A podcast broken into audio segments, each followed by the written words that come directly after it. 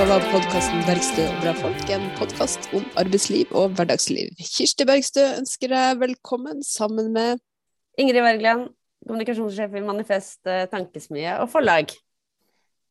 Intet mindre, og vi er veldig glad for å straks kunne presentere dagens eh, gjest. Det er mye diskusjon rundt kjedemakt og hvordan makta konsentrerer seg på noen eh, få eh, hender. I dag skal vi snakke om en klubb som vant kampen over egen distribusjon. Vi skal snakke med klubbleder i Ringnes, altså en landsomfattende klubb. Hjertelig velkommen til deg, Erik Torkelsen. Tusen takk. Først, kan ikke du fortelle litt om hvordan klubben til Ringnes er landsomfattende? Hva er historien bak det? Historien startet jo med at eh, Ringnes sakte, men sikkert begynte å legge ned diverse anlegg og lagre. Altså det ble ikke noe grunnlag for å drifte en lokal klubb. Det startet først i, i 1999, eh, da Ringnes la ned lageret eh, på Hedmarken. Og de sjåførene og de som jobber der, det som vi kaller for teknisk uteliv, de som passer på utstyret til restauranten og monterer, ønsket å, å, bli med i klubben. Og så ble det bare gradvis en nedleggelse etter hvert som det rett og slett ble mindre folk ute i distriktene. Siste som eh, hvis vi kan bruke ordet konverterte, det var i 2019 når Ringenes la lager driften i, i, Trondheim. Så det er resultert i at vi har én fabrikk og ett lager. Det befinner seg på Elleråsen, rett utenfor Oslo. Og så har jeg to vannfabrikker. Det er fordi de selger kildevann, og da må de ligge på kilden. Eller kan vi kalle det naturlig kildevann. og Det er Imsdal og på Farris. Og resten av landet så har vi det som vi kaller for droppsteder. Der sender vi våre containere enten med mellomtransport, altså et bil henger, vogntog, eller med bruk av tog. Vi har da medlemmer, eh, eh, sjåfører til og med Trondheim og litt nord for det. Og så en del av dette i teknisk uteliv langt opp i Nord-Norge. Så vi reiser ikke rundt alle sammen. Vi, vi har en del møter, og så bruker vi også da Teams. Det er jo kommet for å bli for å ha kontakt. Så det, det, blir mye reise, reisevirksomhet. Men det er prisen å betale for å få til en god klubbstruktur. Men når du sier droppsteder, altså det høres ut som et lokalt lager? Ja, bortsett fra det er ikke noe lager der. Det er en plass, et sted å, å oppholde seg, et sted å parkere bilen og et sted å ha det utstyret du trenger. altså sjåfør, elektrisk sekketralle, sekketrale og sånn småtteri. Mm. Noen steder så har vi, har vi, også noe lager, men det er ikke et lager. Det er fordi at man, disse konteinerne er stapp fulle. så to konteinere inneholder lasset til tre. Så man må stokke litt om, da. På fag, fagspråket så kaller vi det for heavy load. Det er, vi er eid av Carlsberg, og da blir det så mye engelsk uttrykk. Men uh, litt, litt, litt omlasting driver vi med, men ikke noe lager ute i, ute i distriktene, dessverre. Det, det forsvant i 2017, som sagt. Ja, for du sier eh, det er litt mye engelske uttrykk. Det har jo skjedd eh, flere Eh, endringer i, Ringnes, eller for Ringnes gjennom dine år. Nå har jo du vært der ganske lenge. Kan ikke du dra oss litt gjennom hvordan, hvordan utviklinga har vært? Jeg begynte med en tilfeldighet i 1990, nede på gamle Ringnes bryggeri, som lå på Grünerløkka. Det er fortsatt noe virksomhet igjen. Der ligger hovedkontoret til Ringnes. Og så har de et, en bryggeripub, også en festsal så jeg skulle bare ha en sommerjobb. Den skulle vare i tre uker. Eh, nå er vi kommet til 2022, så det har vært en lang og god sommer. Da var vi 3500 ansatte i, eh, i, eh, i, det som ble til slutt Ringnes. Og fabrikker da land og strand rundt i, i Norge. Og nå er det ca. 900 hvor hovedtyngden jobber da på Gjelleråsen. Mm. Så det har vært en, en, en utvikling eh, ganske kraftig. Jo, jeg har sett mange gode kollegaer måtte slutte underveis. Og det er jo, Løsningen på dette er jo eh, skiftgang eh, nesten døgnet rundt på Gjelleråsen, og selvfølgelig en høy grad av automatisering. Men, men, det, det, men, det, er prisen å rett og slett betale. Når jeg begynte, så var jeg Nora Industrier, som etter hvert ble til Orkla, og så ble vi kjøpt opp av Carlsberg. Å være eid av et multinasjonalt selskap, det, det har også en pris. Eh, det er klart det er enorme krav til, til uh, omsetning og, og, effektivitet. Men da du begynte i 1990 på det du trodde skulle være en sommerjobb, hva, hva var det du gjorde da? Jeg var sjåfør, og jeg er ansatt sjåfør fortsatt. Førerkortet tok jeg da jeg var i militæret. Eh, det var sånn behovsprøving, så jeg sendte en søknad og fikk til førerkortet. Så det var rett og slett tilfeldigheter. Mm. Mm. Jeg gikk, jeg gikk, på skolen jeg var der eh, året før. Eh, jeg hadde en, en, lærer i automasjon som hadde en kompis som eh, jobbet på Ringnes. Så vi skulle se på bevegelige duppeditter. Da traff jeg en kar i, i porten som heter Karl Nyland, og spurte om han kunne få sommerjobb. og Så, jeg, så sa han ja, det er bare å gå inn der, sa han. Og Så tok han tak i meg, så snudde han meg, så dytta han ut. Du må komme tilbake til neste år. Og så gjorde jeg det.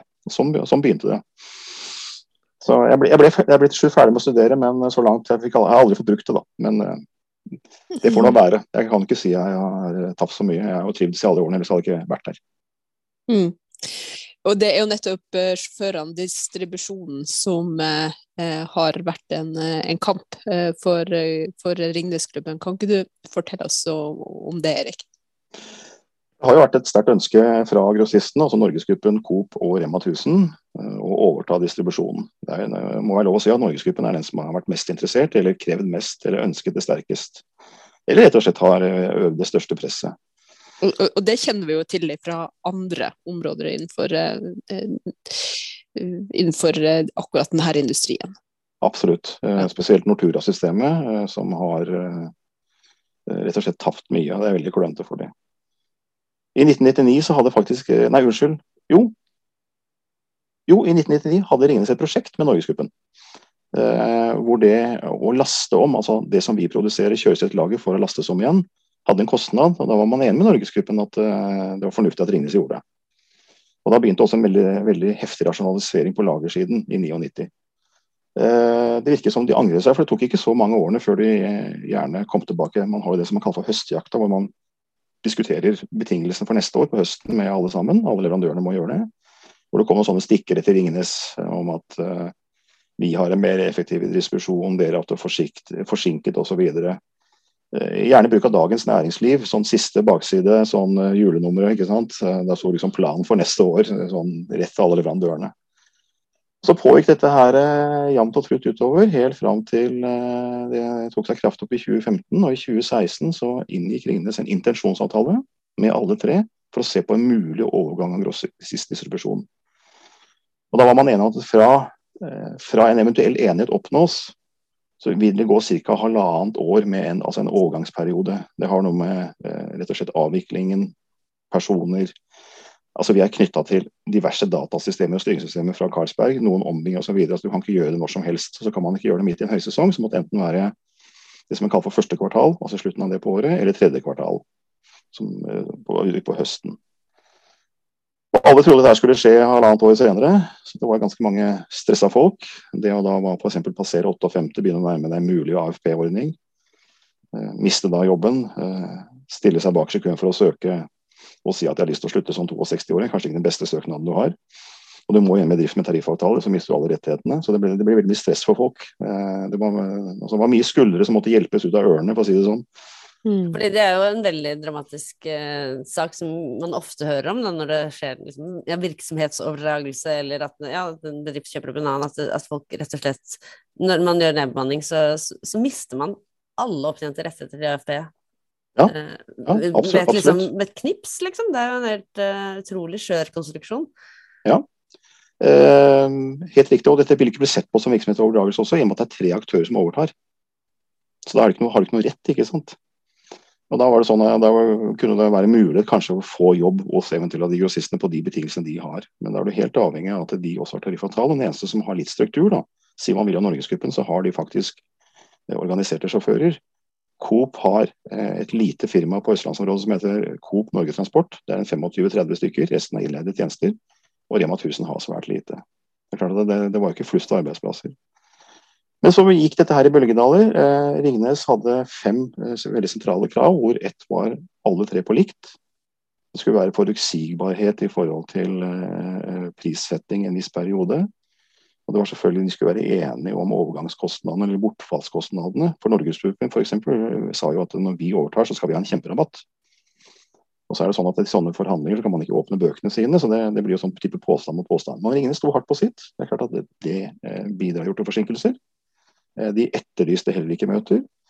Og Vi som klubb vi brukte da veldig mye tid på å roe ned våre medlemmer, rett og slett for å få dem til å finne roen. Altså, altså Man snakker om å eh, stappe magen full av is. ikke sant? Vi måtte liksom fylle opp hele kroppen på de. Eh, og, eh, og selvfølgelig benytte kontakt med, med, politikere. Både lokale og sentrale politikere, og da fortrinnsvis rød-grønn side. Som har det... vært et viktig element i denne kampen. Politisk oppmerksomhet. Altså, dere, er, dere er jo 900 nå. Eh, ja, omtrent. Ikke sant? Og, og det, her er det snakk om, det var snakk om 200 arbeidsplasser som kan ja, ryke? Drøye 200 arbeidsplasser hadde røket, ja. Mm. Da hovedsakelig på sjåførsiden eh, og lagersiden. Og selvfølgelig da en del sånne støttefunksjoner, folk som driver da med, med lastplanlegging, eh, type ledelse osv. Mm. Og så er det jo det, det er jo første omgang. Og så er det da at grossistene har jo da en helt annen makt til å styre type produkter de ønsker. Så på sikt kunne det fått konsekvenser langt inn i brygghuset for Ringnes sin del, ikke sant, på type produkter. Så mm. det vil si at kunden hadde egentlig fått uh, mest sannsynlig et mindre utvalg, uten kanskje å legge merke til det, men, men noen muligheter til å kunne påvirke, komme med nye ideer osv. vil jo være kraftig begrenset. Det vil være mer styrt av, av de tre grossistene. For da ville man fått den samme utviklinga som vi ser på andre områder. At uh, utvalget blir dårligere, det blir snevrere og det blir mer styrt fra, ja. fra oven. Mm. Ja. For du uh, var inne på det her med kontakt med partier på rød-grønn side. Jeg husker jo det, at vi ble kontakta av forbundet, og at uh, det var et politisk press som, som foregikk. Uh, og det uh, Hva vil du si på en måte at var, var utslagsgivende her? Jeg tenker jo at, at klubben sin, sin, kamp og tydelighet var jo ikke til å ta feil av. Nei, vi, har sett på det sånn som en, en, som en tredeling ettertid. Altså hedres de som hedres skal. Eh, man kan ikke ta fra ledelsen at det Ringnes har vært standhaftige, det skal de ha. Mm. Og så er det klart at eh, Norgesgruppen er Ringnes sin største kunde. Og så er vi tilknyttet eh, noe som Karlsberg kaller for Vest-Europa-regionen. Det er den tredje største kunden. Altså, Ringnes kan jo ikke legge seg ut med en så stor kunde. Men eh, vi som klubb kunne da i møter med ledelsen og f.eks. med politikere være mer tydelige. Eh, så Det er den ene tredjedelen. Og så kommer man ikke unna som jeg sa i sted, politisk eh, påvirkning. Nemlig det at det ble stilt spørsmål, det ble diskutert, det ble etterlyst, uh, satt fokus på. Jeg oppfatter Norgesgruppen som at de er interessert i medieoppslag, men det skal de styre selv. Når andre mm. kommer inn fra siden, så blir det litt annen vinkel, og da blir det kanskje ikke så lett å forsvare.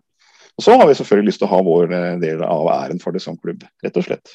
I kombinasjon med, med eget forbund også. Så det ligger jo en det ligger jo det ligger en kampkraft bak det, med, med godt organisert og et, og et uh, forbund med forbundsleder og vår forbundssekretær som har stilt opp. Vi har snart, mm. slitt, ut, snart slitt ut tre forbundssekretærer på, på alle disse årene, men uh, de har nå overlevd. og godt er det, fordi forbundet er jo veldig aktiv i nettopp uh, kampen mot kjedemakta og for at man skal få mindre sånn, kan man kalle det at man skal Eh, slippe opp i denne konsentrasjonen eh, av kontroll fra, fra jord til bord. Eh, det, det, har jo NNN, som jo er forbundet, vært veldig opptatt over tid. Hvordan vil du sette denne kampen deres i, i, i, en, i sammenheng med, med, det arbeidet som, som gjøres i forbundet? Det, det, det, er en viktig, viktig, sammenheng og en stor del av det, slik jeg ser det. Eller slik vi ser det som klubb. Det er klart at, altså, vi er jo del av Norges største fastlandsindustri, må ikke glemme det. Noen sier 55 000 ansatte, noen sier 50 000 ansatte, men la oss si at det er ca. 50 000. da. Eh, så, så, det, så, så, glemmer man den industrien. Altså, det er eh, mange produsenter. og Du sa det i stad, bonden er veldig viktig her. Og Så kommer fabrikkene. så det er, liksom, det er jo I samarbeid med diverse, altså disse samvirkene så lager vi maten. Nå driver ikke de så veldig mye mat, vi driver med fyll og spetakkel i blandevann, men det er noe lov å selge. Altså det, det, handler om næring og nytelse. Og sysselsetting i Norge og selvberging. Så hører du med at vi har hatt en, er ikke avsluttet enda, en pandemi. Først da ser man i én til én hvor lite selvforsyning det er i Norge, og hvor stor grensehandelen er. Og hvor viktig det er å, å, å, å kunne ha en, en, en, produksjon som ikke skal være styrt av tre stykker, og spesielt av én stor, i forhold til eventuelt et mangfold og hva folk ønsker. Forståelsen av det og eh, en, en, altså, vi blir jo hengt ut av Norgesgruppen for at vi, har, eh, vi er forsinket, vi, har, eh, vi kommer akkurat når det passer oss. Vi gjør jo ikke det. da. Og så sier de at når de får det til sine lagre, så, så blir alt mye mer effektivt. Men det er en omlasting og flytting av ting rundt i en, en, en verden som, som, helst skal ha redusert utslipp. Eh, Riktignok må vi transportere ting her, men altså dess kortere det er, dess mindre omlastning, dess nærmere er det, så er jo det viktig. Man snakker veldig mye om kortreisthet, men kanskje man skal begynne å snakke om kortreisthet i, i, Norge. Da, så har vi kommet mye lenger. Og så ser liksom på hva kortene ned, hva gjør vi i samarbeid med de mulige transportformene, og kutter omlastningen. Vi har det direkte og bruker masse tog, det gjør også Norgesgruppen, men vi laster ikke om noe særlig. Så det er jo styrken. Så vi må være godt miljøargument. Vi kjører ikke tom heller. Så, sånn, dette her er viktige elementer. Det er ganske komplekst ved at noen skal si at vi bare overtar og vi styrer det. For det får en del andre effekter også. Både på sysselsettingen, både på hva vi skal produsere i Norge, og hvem som styrer hva. Så det, For å kunne stagge de, så mener jeg at det må rett og slett politisk torpedering til. At nå er de store nok, det får holde. Nå, mm. Det får være greit nok. Mm. Men bare for å drive litt folkeopplysning på, på Norgesgruppen. Vi har kanskje litt sånn stammespråk her på, på ja. hva det er for noe. Altså, Norgesgruppen er jo, er jo ja, en kjede som da eier øh, Eller en gruppe, da, som jo eier alle de store mat... Eller ikke alle, du kan sikkert ramse opp dette bedre enn meg. Øh, de, de, store matvarekjedene. Ja, det er, det er Meny, Kiwi, Spar, Joker. jeg husker ikke alle farten, altså det er veldig mange store. Coop har sine, det er Coop Ops, Extra, Prix osv. Og, og Rema 1000 er jo stort sett Rema 1000 er litt mm. lettere å holde seg mm. til. Mm. Og Norgesgruppen har over 40 av dagligvaremarkedet. Regelen i Norge sier at det skal være 40% det får holde, men de har over 40% Og så er de noe med på det som heter storhusholdning. da. Det kan være restauranter, eh, kafeteriaer, hoteller osv. Hvis du legger sammen dette her, så har vi en markedsandel for de reide strides, men la oss si at de nærmer seg 80 da. Mm. da har du en ganske stor kontroll både på innkjøpene og hvordan du dikterer det. Det er jo rart med det, men altså, kapitalismen har en veldig sånn monopoliserende effekt. Altså, dette ser man jo i de, de rareste bransjer. Man ser jo egentlig ganske lik, like, eh, effekt i, innenfor barnehager, som jo er helt eh, absurd. Men innenfor der kommersielle barnehager er, så er det jo også ja. liksom det samme. Da, at spise opp og spise opp og spise opp alle de små selvstendige. Kjøpes opp og spises opp av, av de store kjedene. Og jeg mener, altså jeg husker jo da jeg var liten, da. Da var det jo Matbutikkene og het jo bare liksom navnet på han fyren som drev den, liksom. Og, og, siden den gang så har jo den uh, eh, skifta fra hva det nå har vært, til, eh, til, eh, til det der nå, da. Det er jo, det, det er jo sånn det funker. Altså det bare de, de, store kreftene kjøper seg opp, spiser seg opp, og da, da, blir det som du sier, da må man ende opp med uh, å gjøre noen, noen lovmessige grep da, for å faktisk begrense uh, ja, kapitalismens monopoliserende effekt, da, for å kalle den det. Uh, men hva mer tenker du man kan gjøre enn en, en, en, altså man, Du nevner dette taket på 40 uh, det, det, det, er jo, det er jo f.eks. si at uh, I USA så er det ikke tillatt for en stor grossist å distribuere selv. De må ha en, en, egen distributør. Kanskje man ikke skal gå så langt. Så har vi fått Dagligvaretilsynet. Det er veldig bra at det dukket opp til slutt. de må styrkes, både økonomisk og med flere stillinger som skal følge med. Og så klart de ja, hva en sak. Nei, de skal jo da se, altså Dagligvaretilsynet det er de, utgangspunkt i lov om god handelsskikk. Altså Du skal, eh, du skal handle og handle pent. Litt sånn avansert utgave av kardemommebyloven uten å fleppe for mye med det. Men det er klart det er jo viktig at de er ute og følger med i markedet og ser hva som skjer. Men de trenger en sak og en dom og en bot eventuelt før de får effekt. I, i England så dukket det opp, fikk ikke noe effekt før de fikk et ombud.